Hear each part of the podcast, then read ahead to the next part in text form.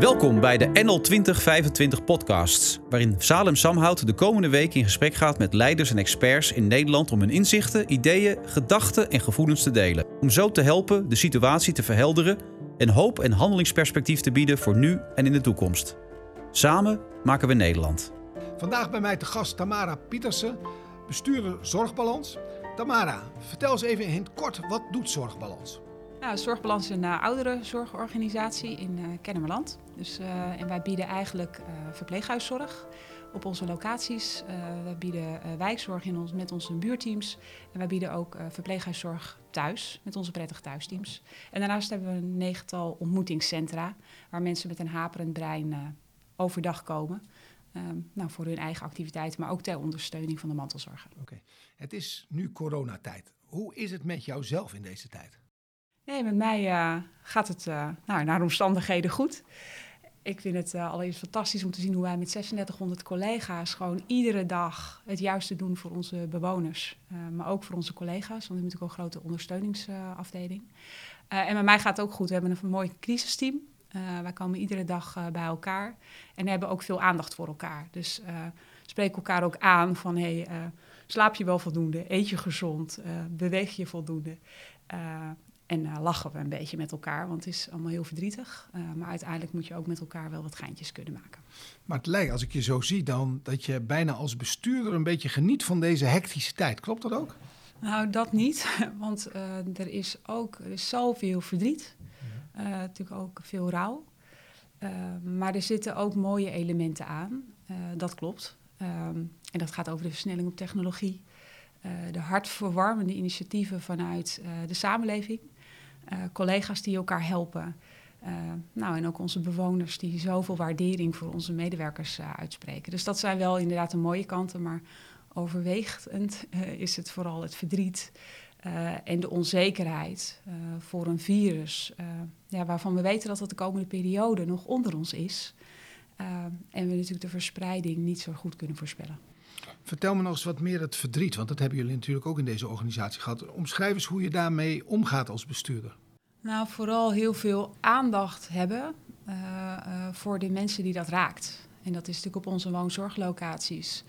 Uh, voor de collega's, maar zeker voor de bewoners, maar ook voor dienstnaasten. Ehm, nou, en vanuit onze organisatie door heel veel te organiseren en te faciliteren voor onze collega's. Uh, want daar op locaties waar men te maken heeft met coronabesmettingen. Uh, nou ja, sowieso overlijden natuurlijk door in verpleeghuizen mensen. Uh, maar nu overlijden er meer mensen dan in andere periodes. moet je er ook voor je collega's goed zijn. dus wij hebben daar nou, support op georganiseerd. Dus echt op locaties met psychologen, debriefings. daar heel veel aandacht voor. wat vaker een presentje, een lief kaartje. Um, nou, en ook heel veel uh, aandacht voor de communicatie. Dus stuur om de week of iedere week een nieuwsbrief met ook wel ja, wat mij ook bezighoudt. Uh, maar ook om hen ja, zo te bedanken voor hun inzet voor iedere dag. Kun je eens een paar kippenvelmomenten van jezelf omschrijven? Dat je zegt, nou dat raakte me zo in mijn hart, zeg maar. Um, nou, die zijn er zeker. We hebben... Uh, nou, een kippenvelmoment vond ik wel vanuit onze ontmoetingscentra. Noem ik even een aantal voorbeelden bij onze ontmoetingscentra. Uh, die hebben zeg maar, de, die zijn gesloten. En die doen nu individueel uh, activiteiten. En een van onze programmacoördinatoren, die ging bij alle clubleden langs uh, om een lied te zingen. Met iemand daarbij met een, met een gitaar. En dat was zo prachtig. En dan zie je ook de ontroering bij onze clubleden. Ja. Uh, nou, wat ik ook heel ontroerend en kippenvelmoment vond, is dat uh, de brandweer van Velzen. Uh, die zijn al onze locaties lang langs gegaan met gigantische spandoeken. Uh, van de echte helden werken bij Zorgbalans. Oh, en dat doet onze collega's zoveel. maar het echt ontelbaar veel bloemen hebben we gekregen. Van, van kwekers, van bloemisten. Uh, er staat hier gerust opeens iemand voor met, met duizenden chocolaatjes. Uh, ja, dat zijn echt kippenvelmomenten waar je denkt, ja, de samenleving is er. Voor onze bewoners, voor onze cliënten in de wijk, voor onze clubleden. Uh, maar ook voor onze medewerkers. Dus dat is heel mooi. Ja. ja. er gebeurde ook, overlijden is een deel van, denk ik, jullie werk. Dat gebeurt ook normaal gesproken. En nu kom je door corona overlijden mensen. Wat, wat is dat, maakt dat het nog spe specialer, bijzonderder, bedreigender? Wat, kun je daar eens iets over vertellen? Nou, wat heel zwaar is, is dat normaal gesproken uh, geven onze medewerkers ook een stuk begeleiding aan de naasten. En in de tijd van corona uh, is dat natuurlijk veel beperkter mogelijk dan anders. Dus ik merk dat zij dat wel lastig vinden om de begeleiding in de tijd die je normaal voor de naaste hebt, die is er nu niet. En normaal gesproken uh, blijven mensen natuurlijk wat langer bij ons na het overlijden. En in tijden van corona ja, gaan mensen direct uit onze locatie. Dus dat is een, heeft een heel andere, andere impact. En, um, ja, en wat er wel betekent is, ik denk dat door de sluiting zeg maar, van, of de afbakening ook van afdelingen binnen locaties, dat mensen zich minder bewust zijn van de impact van corona. En die komt weer als zo'n locatie open gaat. Ja. ja. En dat is, een, nou, dat is pittig. Ja, dat kan ik me ja, voorstellen. Ja, en het allerpittigst voor de naasten hè, en ja. voor de familieleden, maar ook voor onze andere bewoners. Uh, maar ook voor onze collega's. Ja. Hoe ga je daarmee om, om met je collega's? Want die moet jij toch ook support geven, een beetje zekerheid geven, maar ze moeten ook gaan werken in gevaarlijk gebied voor hun. Hoe ga je daarmee om als bestuurder? Nou, we geven daar heel veel informatie over. Dus zodra, nou, het allerbelangrijkste volgens mij, zodra er wat verandert in een richtlijn of uh, dat er landelijk uh, veranderingen zijn, dan moet je daar direct op anticiperen. Dus dat doen we ook. Uh, daarnaast hanteren we heel strikt de richtlijnen van het RIVM en blijven we ook goed uitleggen van, oh, maar waarom is het zoals het voorgeschreven staat. Um, nou, en wat ik uh, heel mooi vind, is dat uh, de directeur wonen en revalidatie, die heeft gezegd, goh, ik ben daar waar we te maken hebben met een coronabesmetting op onze locatie. Um, en dat betekent dat hij altijd heel dichtbij is en bereikbaar voor alle collega's op die, op die woonzorglocatie. Nou, en dat zien we eigenlijk ook in de wijkzorg. Dus de directeur wijkzorg is eigenlijk altijd bereikbaar voor collega's als er vragen zijn. En uh, ja, die proberen we zo goed mogelijk te beantwoorden. Ja. Maar die directeur die gaat er echt naartoe, zeg maar. Ja, ja. Die, die gaat de gevarenzone in eigenlijk. Of overdrijf ik wat? Ja, nou, als je het zo wilt benoemen. Mee. Ja. Maar die, die gaat, is daar waar coronabesmettingen zijn. En, uh, nou, en als je goed gebruik maakt van de persoonlijke beschermingsmiddelen... en vooral de hygiënemaatregelen goed in acht neemt... Uh, dan is, ben je goed beschermd. Okay. Ja. Hoe uh, vertel je tegen de, de mensen die de verzorging moeten doen? Want dat, ja, dat is zwaar werk. dat is niet het meest betaalde werk. dat die mensen toch... Ja, dit toch allemaal doen in deze tijd? Hoe motiveer, heb je, is het nodig om ze extra te motiveren? Is het nodig om ze extra support te geven? Hoe gaat dat eigenlijk? Nou, wij besteden daar natuurlijk heel veel aandacht voor. Um, nou, en eigenlijk doen we dat altijd als zorgbalans. Dus wij willen, hebben drie thema's. Hè. Dat is goed werk, goed werkgeverschap en economisch duurzaam. En onze collega's, ja, zij, zij leveren onze dienstverlening. Dus ja, daar moet je heel zuinig op zijn en heel veel waardering uh, voor hebben. Uh, en nu uh, doen we daar ook veel extra's in. En alles wat we te doen, kunnen doen en moeten doen, doen we ook. Ja. En, en daarin doen we ook dingen extra. Maar het belangrijkste is denk ik toch gewoon voor elkaar zijn. Ja. en dan maakt het niet uit wat je functie is, maar we moeten er met elkaar zijn als een team van 3600 mensen. Nou, en dat doen we volgens mij hartstikke goed. En dan kom je soms ook nog eens in de publiciteit. Ja. Hoe ga je daarmee om? Ja, um, nou, we proberen eigenlijk um, daar zo terughoudend mogelijk in te zijn. Um, persoonlijk denk ik, en ik weet dat niet iedereen het daarmee eens is, mm. dat, dat het ook waarde heeft om zoveel mogelijk rust te houden voor onze bewoners, hun naasten, maar ook voor onze collega's. eerlijk gezegd schrok ik wel een paar weken geleden door wat berichtgeving in de kranten over een verpleeghuis. Ik dacht van ja, eerst zijn we de helden van de zorg. Uh, en dan gaat het bijna over, ja, hoe heeft dat daar nu kunnen gebeuren? Uh, nou, en ik wil dat mensen altijd gewoon goed hun werk kunnen doen. Mm -hmm. En dat uh, mensen niet afgeleid worden in datgene wat ze moeten doen door, door onrust of andere ruis die gecreëerd wordt. Ehm, nou ja, en op andere momenten, ja, als we in de media komen, dan is dat zo. Nou, en dan hebben we of gewoon heel keurig goed te reageren. Ehm, en wat ik niet ga doen, en dat past volgens mij ook gewoon niet bij mij als persoon. ehm, we gaan niet knokken of vechten over iets wel of niet waar is. Nee, respecteer ieders mening daarin. Eh, maar respecteer dan ook de onze. Voel je je dan ook wel persoonlijk aangevallen? Ehm, ja, tuurlijk. En ik denk dat je in tijden dat je heel goed weet, goh, wat is de persoon en wat is de persona. Hè? Dus dat, Ja. dat weet je rationeel. Ehm, maar je merkt ook, deze crisis is inmiddels natuurlijk, ehm, nou, wat staan we? We staan sinds 12 maart, zeg maar. Daarvoor waren we in voorbereiding, maar sinds 12 maart staan we met z'n allen 24-7 aan. Eh, er zijn ook wel eens momenten dat het je meer raakt. Ja. En dat je denkt, oh ja, poef, eh, nu komt hij wel meer binnen. Eh, en dat je dat allemaal kunt uitleggen, rationeel, en dat het allemaal klopt. Maar de emotie is soms anders. Vertel ja. eens even toen bij jou binnenkwam. ja, dan. eh, ja, ik, bij mij zit eh, altijd de waarde eh, eerlijk of hè, rechtmaat, rechtvaardig. En dan denk ik, oh jee, eh, ik vind het dan oneerlijk. Eh, maar daar heeft de buitenwereld geen eh, boodschap aan. Maar dan merk ik dat die bij mij natuurlijk ehm, nou, wel binnenkomt. En nou, daar heb je dan ook gewoon even mee te dealen. Maar dan voel je je wel als eh, Tamara oneerlijk behandeld, zeg maar, door de buitenwereld. Ja, Ja.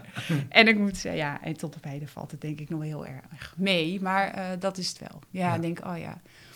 Eh, nou, dat denk ik van, goh, hoe had je dit nou zelf gedaan? Of hoe zit je, welke waarden zet je erop? Eh, en hoe kijkt iemand anders daarnaar? En wat doet dat met je? Nou ja. De mensen die in jouw eh, huizen zitten, die hebben ook allemaal familieleden om zich heen zitten. Hoe is, hoe is de relatie naar die familieleden eigenlijk op dit moment? Nou, die worden onderhouden door de locatiemanagers. Hè? Dus wij hebben sowieso ehm, hebben dat zo georganiseerd dat dat ligt daar waar de verantwoordelijkheid eh, ligt. En eh, iedere locatie maakt daarin zijn eigen eh, informatiebrieven. met een passende frequentie. Want het is natuurlijk een beetje afhankelijk van hoe dat, wat de situatie is op zo'n, in zo'n verpleeghuis.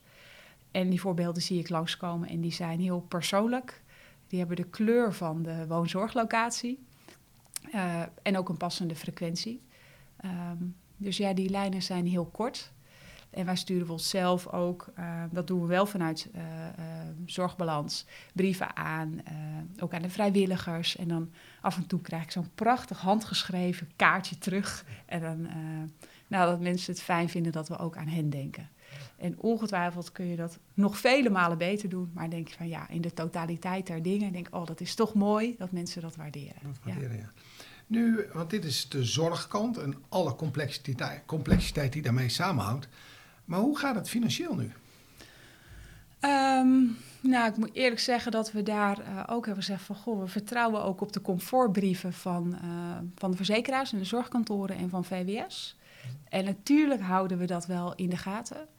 Eh, maar het allerbelangrijkste is dat we het vandaag blijven doen wat we moeten doen. En dat is zorgen voor goede zorg en goed werkgeverschap. En eh, we houden keurig bij wat voor extra uitgaven we maken. En ook wat voor inkomensderving we hebben dan. Hè? Want eh, ja, wij hebben ook leegstand. Eh, er is momenteel bijna geen revalidatie. Eh, we hebben een COVID-wijkteam ingericht. We hebben COVID-unit ingericht. Dus ja, je maakt extra kosten en je loopt inkomsten mis. En dat houden we allemaal netjes bij. En, ehm, nou ja, en wij gaan... we houden alert bij wat daar straks de regelingen voor Over worden. welke grootheden praat ik dan? eh, moet je dan aan denken financieel bij jullie? Nou, als je nu kijkt, dan eh, hebben zeg maar eh 1200 ehm, eh, zeg maar, bedden in onze of capaciteit van 1200 Ja. verpleeghuisbedden. Ehm, en momenteel hebben wij denk ik zo'n 100 plekken leeg. Oké. Ja, dus dat is zeg maar ongeveer de, de omvang. Ja. Eh, nou, en daar zit ook wel een dilemma op, hè, want uiteindelijk wil je ook weer graag nieuwe cliënten of nieuwe bewoners eh, aannemen. Ja. Ehm, maar voor eh, woonzorglocaties waar nog niemand positief getest is op corona, Ja. zeggen, nou, is ook wel het gevoel van ja, ga je nou de buitenwereld binnenhalen, Ja, terwijl precies. het hier toch heel erg veilig ja, is. precies, hè? ja. Eh, nee, dus dat zijn, eh, dat zijn de dilemma's. Dus wij kiezen er nu ook nog voor om even eh, van ja, maar in deze fase van deze coronasituatie nemen wij nog even geen nieuwe cliënten aan. En nou, op een ander moment, en daar zitten we wel bijna tegenaan. Hè? Dus we zijn nu aan het nadenken van hoe ga je straks weer opnemen. Gaan we quarantaine-units maken om dat zo veilig mogelijk te kunnen doen. Ja, dan ga je ook weer aan je, aan je instroom werken. Ja. Maar dan hoor ik zo'n beetje 8% eh, om, eh, omzetdaling, zeg maar. De kosten zullen, door, eh, die zullen ook wel eh, 5 à 10% toenemen. Dus dan komt er een gat van 15 of 20% in jouw begroting terecht. Eh, en je vertrouwt dan op dat het toch uiteindelijk gefinancierd wordt door de, door de overheid en de zorgverzekeraars? Is dat- Nou, vertrouw, kijk, daar liggen natuurlijk wel brieven en toezeggingen Ja, ja, ja. onder. Hè? Dus eh, het is niet helemaal vertrouwen op, eh, op de blauwe ogen. Ja? Nee, maar eh, vanuit de zorgkantoren is daar communicatie over geweest. En volgen we dat nauwgezet ook ten aanzien van de leegstand. En datzelfde geldt eigenlijk voor de verzekeraar. Eh, nou geven de zorgkantoren natuurlijk iets meer comfort dan de, dan de verzekeraar. Die heeft ook een ander profiel ten aanzien van de financiering.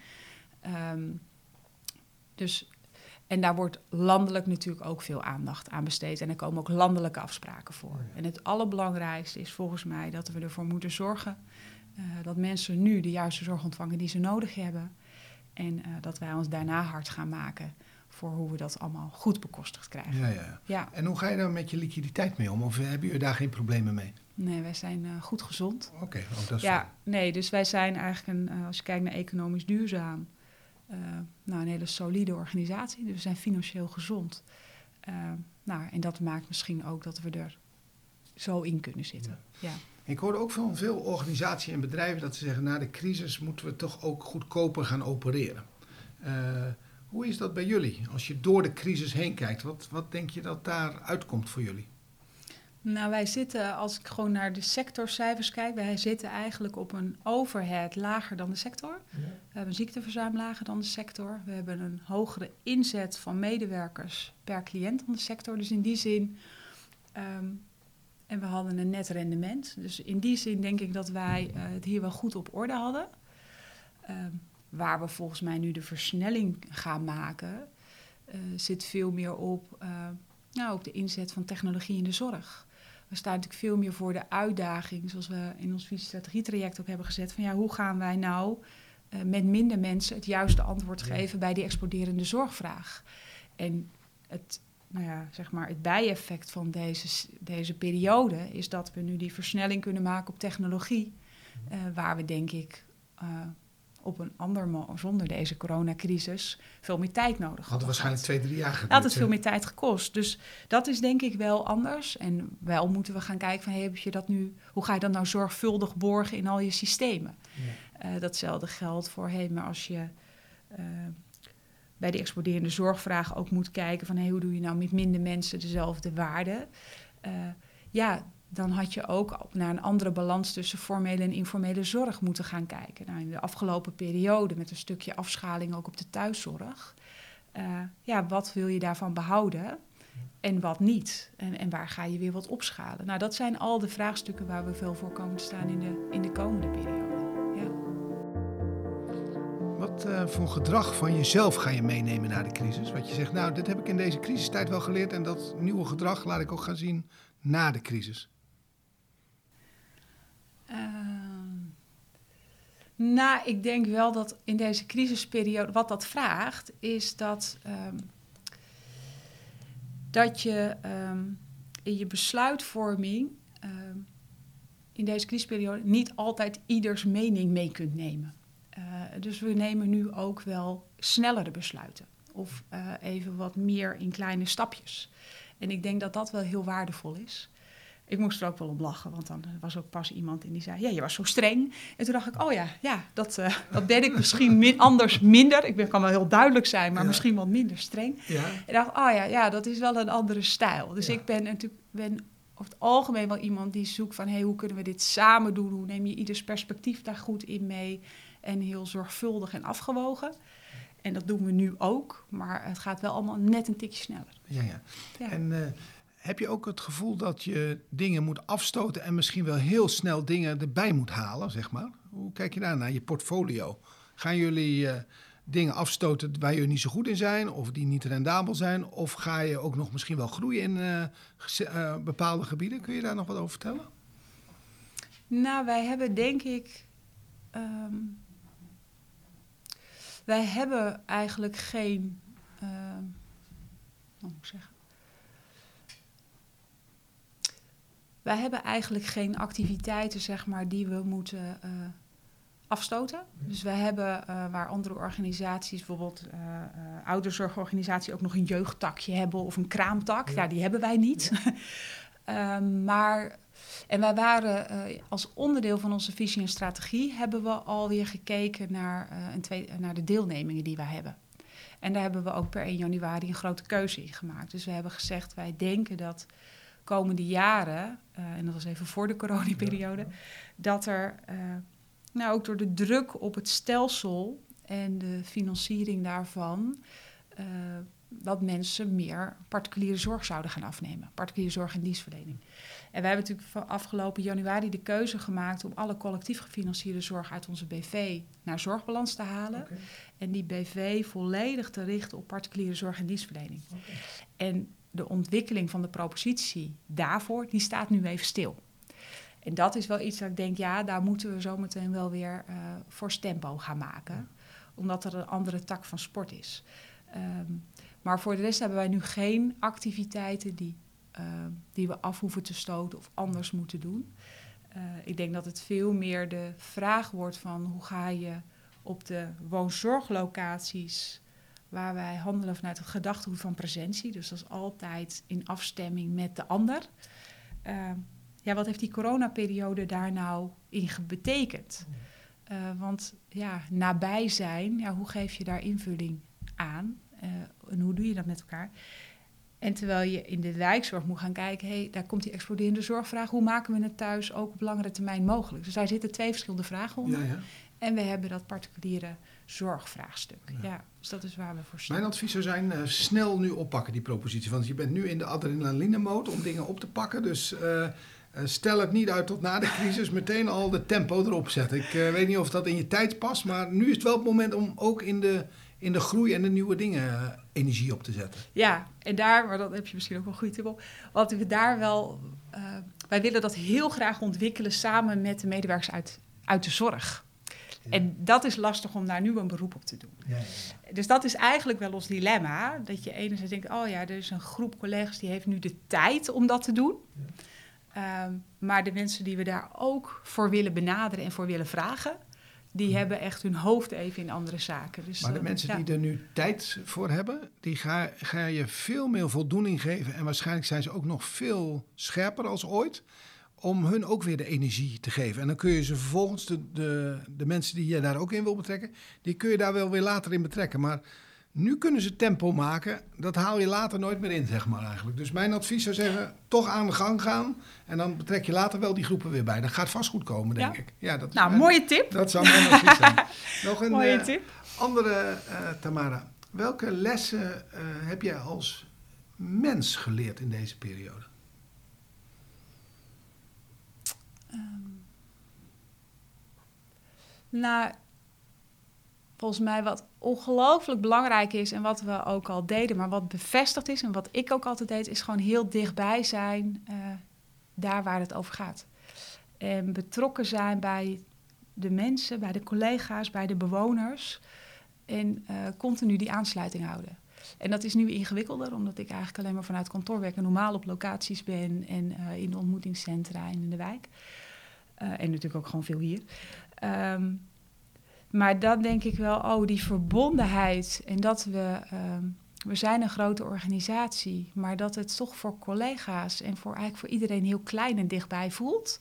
Dat maakt volgens mij dat wij zo wendbaar zijn en uh, snel kunnen aanpassen. En dat vind ik heel mooi. En dat is volgens mij een waarde die we heel erg moeten, moeten behouden. Um, nou, en in het begin, toen leek corona nog best wel wat ver weg en abstract. En twee weken geleden dacht ik, oh, maar nu komt corona ieders persoonlijk leven ook in. En dat maakt dat het een andere belasting geeft. Dus, ehm, nou, en hoe ga je daar nu mee om? En dat, er was zo'n omslagpunt, hè, net als op 12 maart was het omslagpunt. Eerst ging het over isoleren van het individu. En toen ging het over de volksgezondheid. En een aantal weken later was dat moment dat je dacht: oh ja, maar eerst ging het over corona, maar nu gaat het ook voor mij persoonlijk over. De betekenis van corona en het raakt ieders leven. Ehm, nou, en blijf daarover in gesprek. En wat raakt het jouw leven? Nou, ik denk, uh, nou, het raakt mijn leven. Ik denk dat het, uh, nou, dat je toch op een andere manier kijkt ook met uh, de contacten met je naasten. Dus als ik zeg wat betekent voor mij, voor mij betekent het dat ik ben één over de graad van bestuur. Uh, hebben de keuze gemaakt dat onze directeur wonen en zorg op de locaties is waar we een besmetting hebben.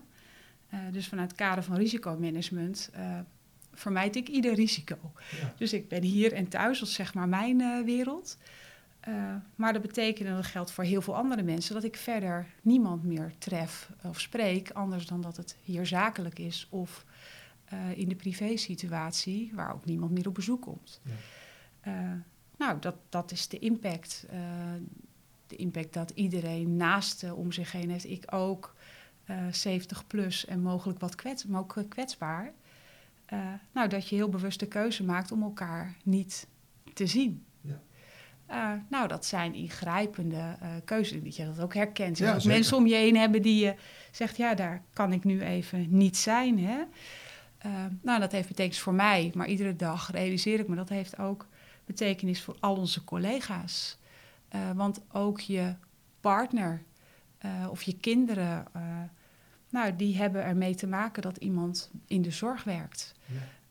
We hebben collega's die zeggen, ja, ik werk wel in de zorg, maar nu kan ik mijn kleinkinderen niet meer zien. Nou, dat is, dat is hartstikke impactvol. Ja, en eerst leek dat een paar weekjes te duren. Ja, dit gaat maanden nog duren. Ja, dat gaat nog zeker lang Nee, en, ja, en ik denk dat, daar, dat je daarom ziet dat het voor mensen ook lastiger wordt. En uh, nou, in dat, nou, volgens mij moet je ook kijken, wat betekent het... En daar ook transparant over zijn, wat betekent het voor mezelf en wat heeft dat voor impact? En je continu realiseren dat dat ja, voor iedere Nederlander geldt. Daar ben ik niet uniek in. Uh, maar wel ook dat er ruimte is om ook het daar met elkaar over te hebben. Uh, nou, en dat dat soms ook gewoon ongemakkelijk is. Uh, en nou, dat er ook situaties zijn waarin je zegt van ja, misschien is dat persoonlijk wel zo ingrijpend en maak je nu even een uitzondering en weet je dat dat niet verstandig was. Ja, ja. ja. Laatste vraag die ik aan je heb, Tamara. Wat ga je de komende twee weken doen? Nou, de komende twee weken gaan wij. ik heb het gevoel dat wij nu deze eerste fase van de crisisperiode, die gaan wij zo'n beetje deze week afronden. Uh, dan gaan we ook het crisisteam afbouwen. Want de vraag is of je dan nog in de crisis zit of in de nieuwe situatie waarin we met elkaar te dealen hebben.